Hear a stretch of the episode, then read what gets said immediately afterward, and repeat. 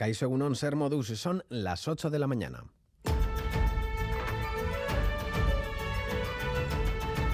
Crónica de Euskadi con Lier Puente. In extremis, sobre la bocina, Sumar ha conseguido que Podemos se una a su coalición. A medianoche terminaba el plazo para las inscripciones y el bloque de la izquierda lo hacía poco antes. Ahora se abre otro plazo de 10 días eh, para presentar las listas definitivas y Podemos seguirá batallando para intentar incluir a Irene Montero, uno de los vetos, aunque desde Sumar lo niegan. Como secretaria general, quiero deciros que me entristece profundamente que Yolanda, a través de su equipo, proponga que el acuerdo electoral de coalición entre Podemos y Sumar se construya sobre la exclusión a una compañera que ha llevado las transformaciones feministas más lejos que nadie antes en nuestro país.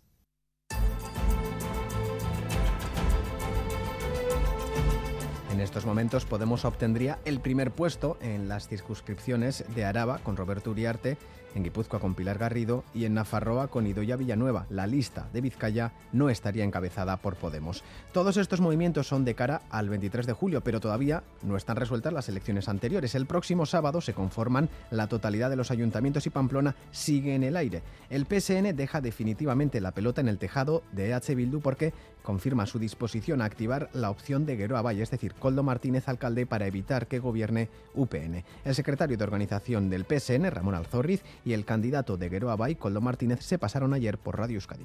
Pues estaríamos abiertos a posibilitar un gobierno municipal con otro partido, aunque tenga menos votos que nosotros. Tendría que ser un gobierno plural, un gobierno en el que se integrasen diferentes fuerzas. Nosotros vamos a intentar esa posibilidad hasta el último momento porque creemos que es importante que la derecha no gobierne. Lo ideal sería a partir de, determinado momento sentarnos las cuatro y decir esta situación de bloqueo la tenemos que romper, busquemos un acuerdo que puede, que puede ir desde quién eh, puede encabezar la, eh, quién puede ser el alcalde eh, de, Iruña, a, incluso pues acordar un, un programa de mínimos y se recrudece la batalla interna en la Erchainza. Ayer se reunió la unidad sindical con el autodenominado Movimiento Asindical Erchañas en Lucha. El encuentro no acabó bien. La unidad sindical se ha roto.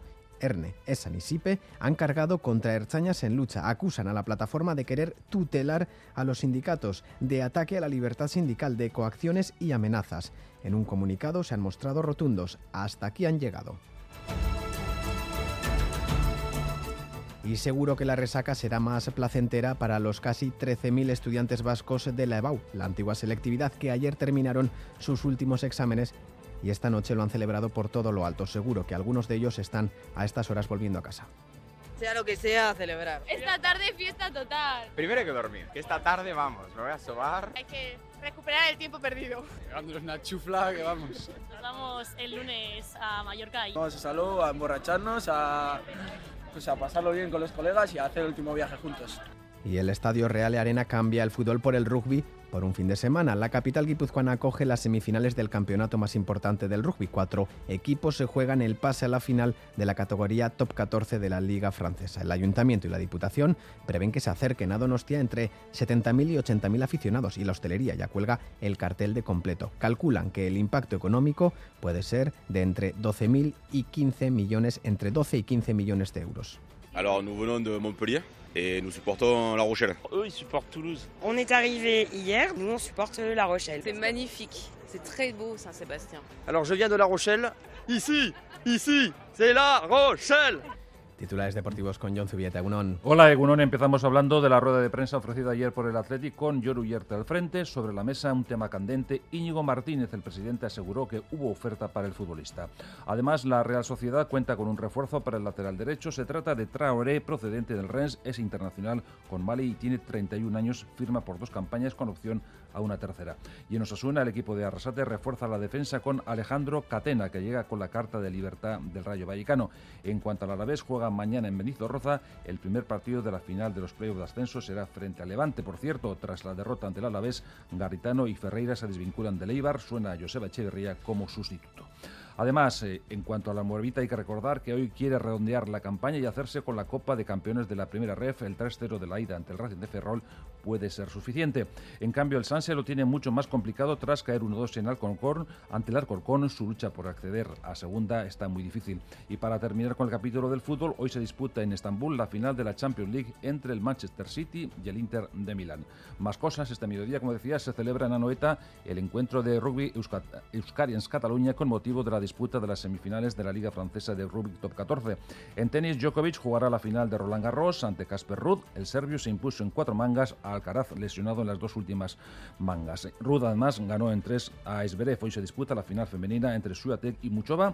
En baloncesto, nuevo triunfo de Denver Nuggets ante Miami Heat, lidera la final por 3 a 1 y el Unicaja de Ivonne Navarro ganó al Barça por 79-88 y un apunte de ciclismo porque el criterio de Dauphin Leibere en ese criterio Castroviejo fue ayer tercero.